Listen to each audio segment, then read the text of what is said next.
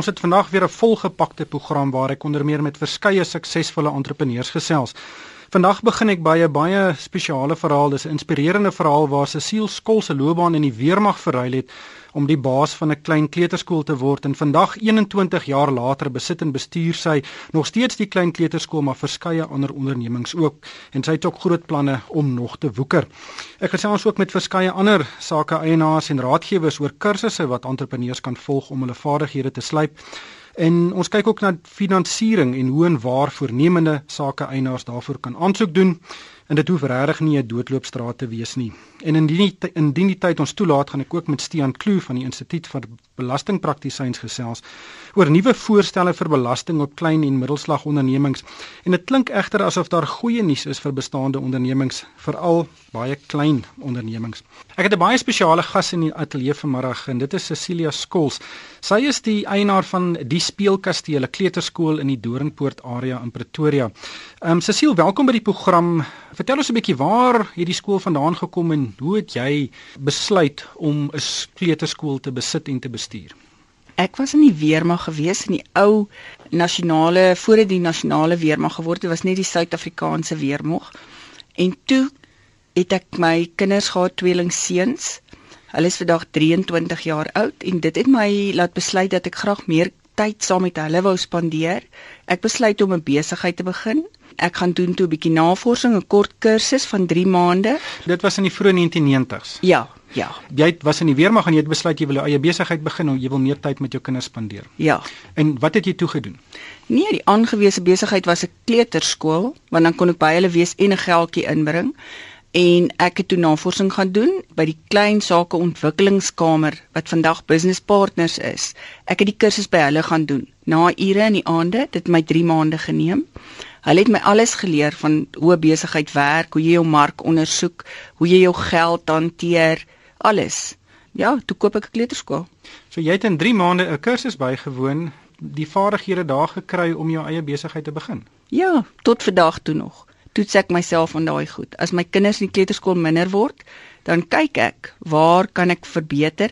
Moet ek meer bemarking doen? Moet ek my kontantvloei anders hanteer? Ek kyk nou nog daarna. Word daar van my kosprodukte gesteel. Ek kyk nou nog daarna. Presies dit wat hulle vir ons geleer het. Kom ons gesels 'n bietjie oor daai eerste 6 maande nadat jy die onderneming gekoop het. Ek neem aan dit was nou nie sonskyn en rose nie. Uh, wat het daar gebeur? Nee, daardie weermag se vasbyt my gehelp hoor.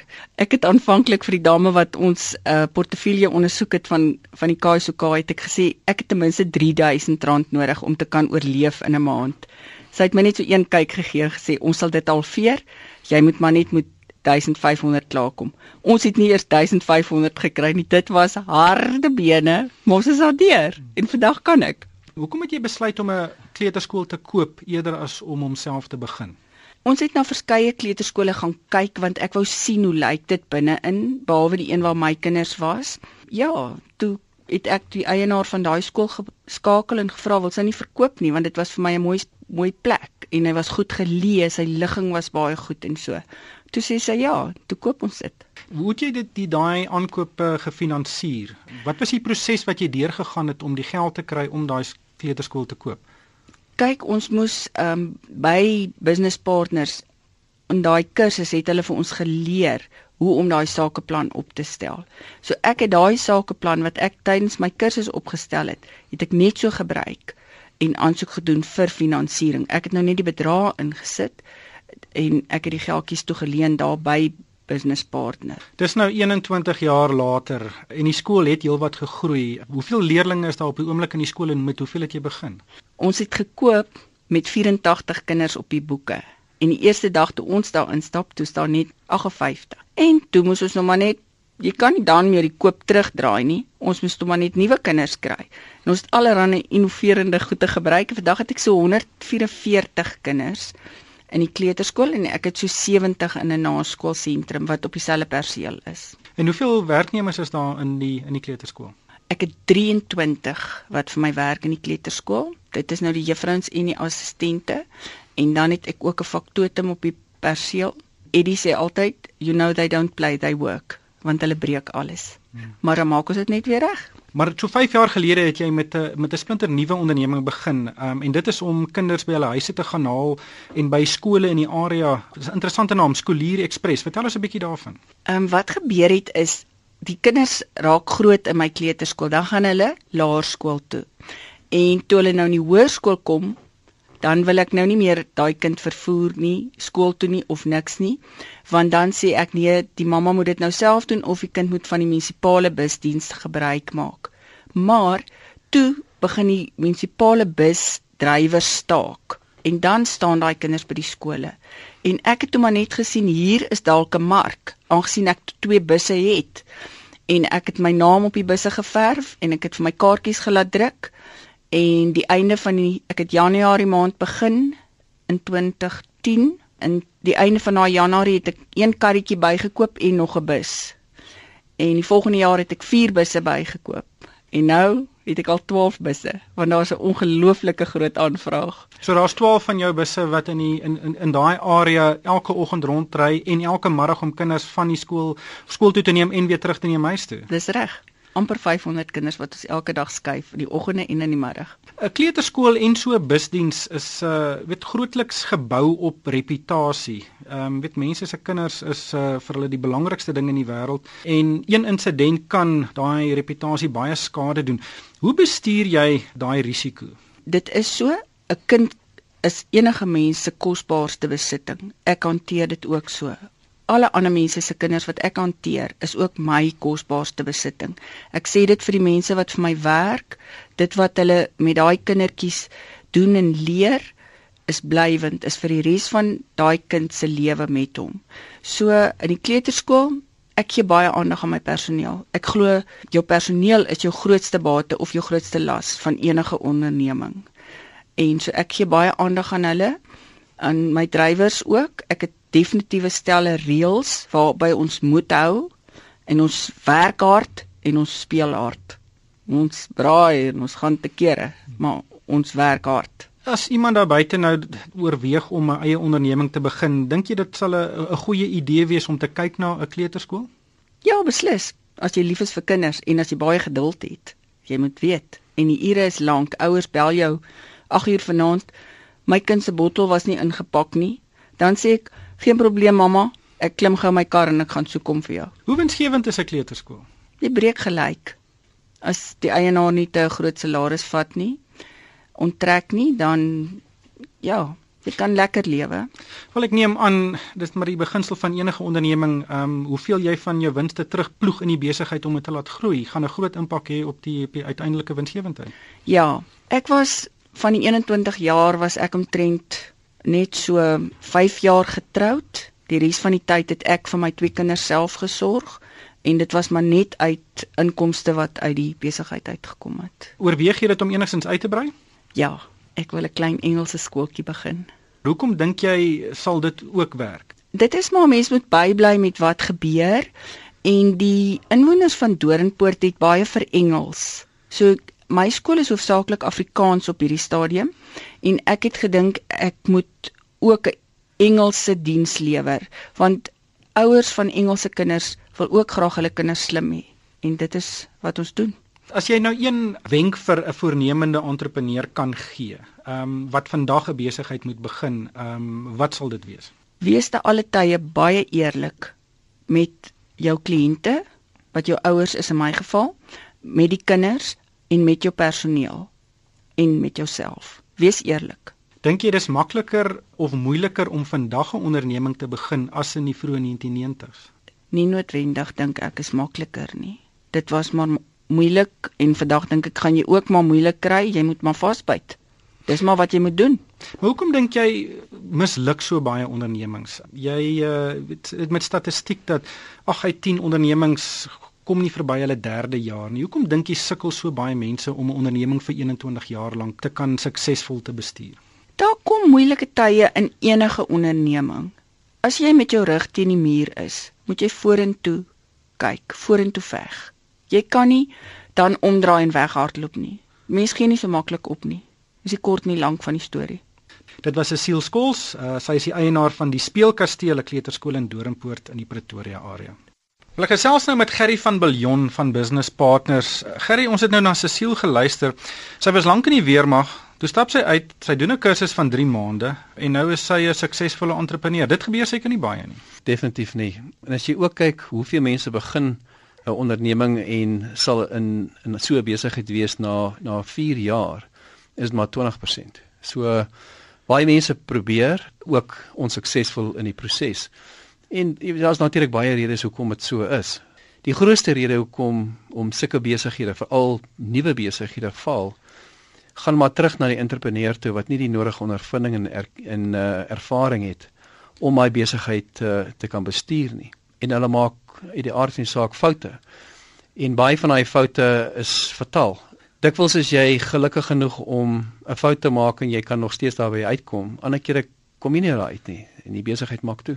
Is daar kursusse wat iemand wat in 'n koöperatiewe werk sit, weet moeg is vir daai lewe en 'n eie besigheid wil begin, wat jy kan gaan loop en dan met relatiewe sekerheid kan sê dat jy het die vaardighede daarna om 'n besigheid suksesvol te begin en te bestuur. Ek dink die eerste dinge is weet is daar 'n behoefte vir so sulke opleiding en sulke kursusse in my gemoed is daar geen twyfel nie. Daar's 'n groot groot leemte op die oomblik om entrepreneurs op te lei. Ek dink die dit begin by die by die kultuur van entrepreneurskap as jy 'n bietjie weier kyk, want dan daarna as jy as jy entrepreneursopleiding graag wil hê, alhoewel die universiteite en ander opleidingsinstituie fokus op entrepreneurskap, is daar vir my nog steeds 'n gaping tussen dit en wat daar buite gebeur. Daar is wel kursusse beskikbaar, ehm um, het sy kort kursusse van 'n dag tot 3 maande wat verskeie van hierdie opleidingsinstituie aanbied.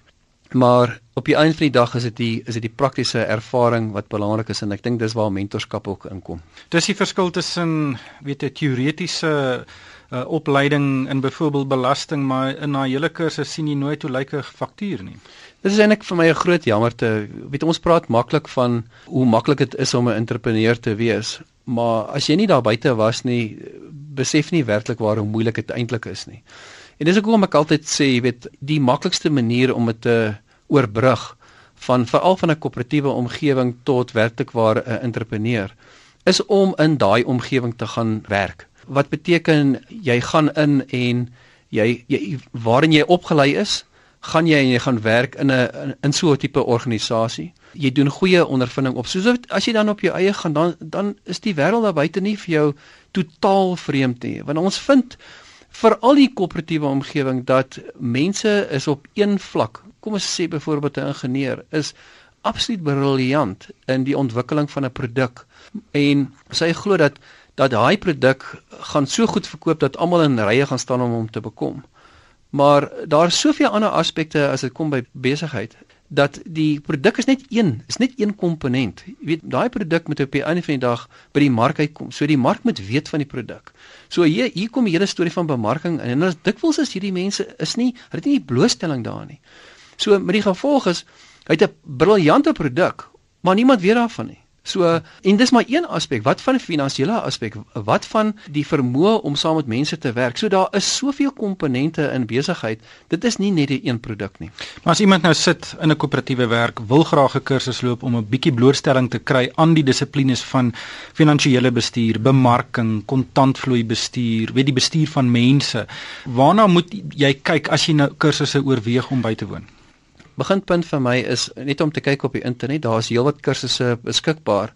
Uh hulle is gewone kort kursusse, maar dis definitief 'n vertrekpunt. Daar's natuurlik inligting op die internet beskikbaar wat jou lei. Byvoorbeeld 'n sakeplan te bou, want dis eintlik wat dit maar waaroor dit gaan.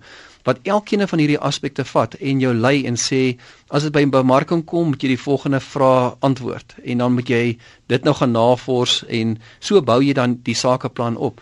Daar's natuurlik ook baie handige boeke wat jy wat jy kan kry wat vir jou goeie inligting gee. Maar op die einde van die dag, jy weet is 'n uh, eh, eerste instansie dissipline om dit te doen en om dit uit te leef. Ehm um, en dan die tweede ding is om dan die praktyk te bring by die by die werklikheid. En dis waar ek voel mentorskap en ouens wat vir jou bietjie rigting en leiding kan gee wat 'n spesialis is op daai gebied wat vir jou die eintlik die pad makliker maak want Jy kan dit op jouself doen. Dit gaan net baie moeiliker wees. Dit gaan baie langer vat en jy gaan 'n prys betaal daarvoor. So om iemand te kry wat vir jou in hierdie proses net die leiding kan gee of of dit nou 'n konsultant is en of dit 'n rekenmeester wie ook al dit is of net 'n ander sakeman wat vir jou kan net die die goeders uitwys waarna jy definitief moet oplet om nie 'n fout te maak nie.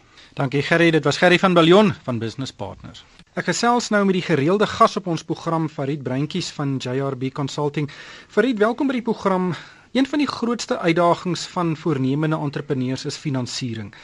Weet dis 'n werklikheid. Jy het geld nodig om 'n onderneming te begin, maar baie mense kla dat hulle regtig nie geld kan kry om 'n besigheid te begin nie.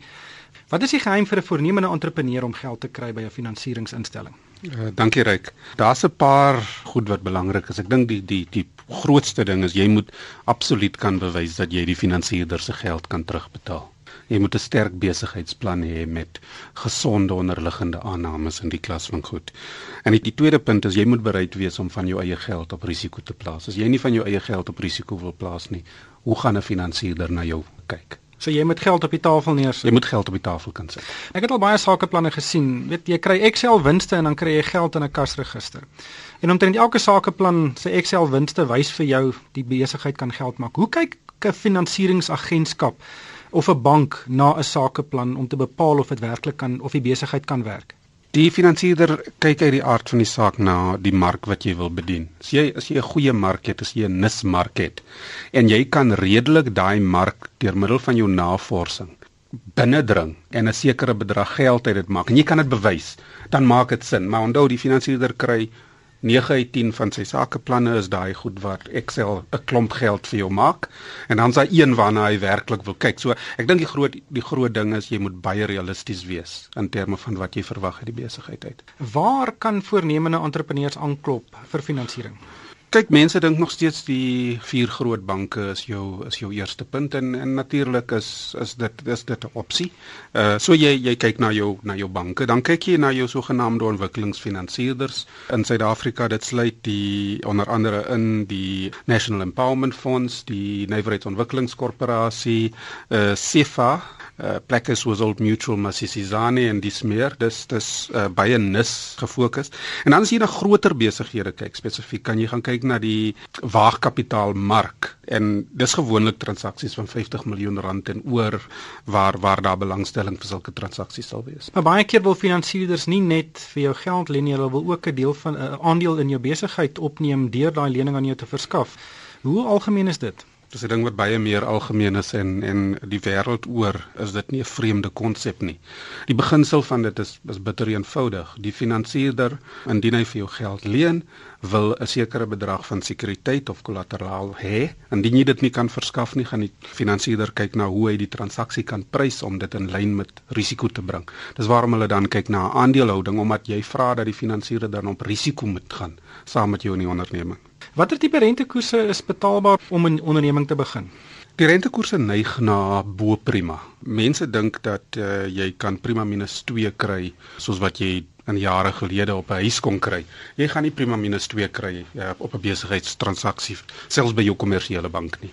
So dis prima plus en afhangend van wat die risiko is, gaan die die prys dan hoër wees. Jy gaan prima plus 4, prima plus 5 selfs na kan kyk as jy nie sekuriteit het om te verskaf nie. En dan natuurlik is daar altyd die situasie waar jy dalk 'n aandeel moet afstaan aan jou finansierder omdat jy nie sekuriteit kan verskaf nie. Is daar sommige ondernemingstipes waarvoor finansieringsgroepe makliker lenings toestaan? Ek ek praat hier van byvoorbeeld 'n dienste besigheid teenoor 'n vervaardigingsonderneming of 'n konsessie of 'n franchise. Ryk uh, vervaardiging kry makliker finansiering uh, bloot omdat uh, dit 'n bietjie meer kapitaalintensief is. Uh, die vervaardigingsbedryf doen nie te sleg op hierdie stadium nie, maar enkelman ondernemings soos die loodgieter in die straat af uh, gaan moeiliker finansiering kry. Die ander sektor wat nog steeds en is al die jare maar 'n probleem jou landbousektor, landbouondernemings. Bly maar 'n risikofaktor. Baie finansierders het nog nie aanbeweeg van die van die gedagtegang dat jy plant, bid en oes oorwegend in landbou nie. So soos ek sê in elke bedryf en elke uh, sektor is daar goed wat makliker is en goed wat moeiliker is. Baie ondernemings begin taamlik goed. Die verkope kom in, maar op 'n stadium is daar probleme of uh, verdaal die verkope net vir een of ander rede. En dan soek daai entrepreneur oorbruggingsfinansiering. En baie keer sien ons as daai persoon nie daai oorbruggingsfinansiering kry nie, dan vou die besigheid en dan word mense afgelê. Hoekom is dit so moeilik om oorbruggingsfinansiering te kry in so 'n instansie? Finansierders kyk oorwegend na geskiedenis en baie finansierders kyk nie vorentoe nie. As jy oorbruggingsfinansiering soek, moet jy gaan kyk na 'n finansierder wat bietjie vorentoe kan kyk, wat die redes kan verstaan, maar ook die omdraai van die onderneming kan verstaan. Indien jy 'n gesonde plan het om die onderneming te draai, ondanks wat gebeur het wat tot die insinking gelei het, um, is dit nie is, is als nie verlore nie. Jy kan nog steeds die besigheid draai. Hoekom is finansiering so 'n groot probleem? Ek het die indruk dat daar's genoeg geld beskikbaar om nuwe ondernemings te finansier, maar dat van hierdie agentskappe instansies is is net te kieskeurig en hulle finansier nie genoeg ondernemings nie. Hoekom is dit so moeilik vir die gewone voornemende entrepreneur om finansiering te kry? Kyk, die deel van die stelling wat jy gemaak het is eintlik is eintlik reg. Uh, daar is daar is redelik kieskeurigheid. Onthou dat die agentskappe maar ook werk met of belastingbetalers of aandeelhouers geld, so hulle moet die geld plaas waar die beste kans is om dit om dit terug te kry. Dis een van die probleme. Die ander kant van die probleem natuurlik is dat die deursnee voornemende entrepreneur net nie genoeg kennis het van hoe om die finansierder te benader nie, hoe om 'n ordentlike besigheidsplan saam te stel nie. En dit bly een van ons groot probleme in die land. Farid, wat is jou raad aan iemand wat sukkel om finansiering te kry? Jy het net nou al die groot nee gekry by die bank. Wat moet daai persoon doen? Uh, Moenie te opgooi nie. Ek dink dis die belangrikste van alles. Ek dink doen jou huiswerk, vind uit watter finansierder na wat wil kyk in die mark en maak seker jy gaan posisioneer jou finansieringsaansoek by die regte finansierder dit dien geen doel om 'n 200 000 rand aansoek te wil gaan indien by 'n finansierder wat net na 50 miljoen rand in die vervaardigingsbedryf wil kyk nie. So maak seker dat jy jouself bemagtig met die kennis van hoe finansierders na sakeplanne kyk en watter finansierders na wat wil kyk. Dankie Farid, dit was Farid Breintjies van JRB Consulting. Ek gesels nou met Stean Kloo. Hy is die uitvoerende hoof van die Suid-Afrikaanse Instituut vir Belastingpraktisyns. Stean, welkom by die program. Die Duiwes Belastingkommissie het verlede week nuwe belastingvoorstelle vir klein sake ondernemings vir openbare kommentaar bekend gemaak.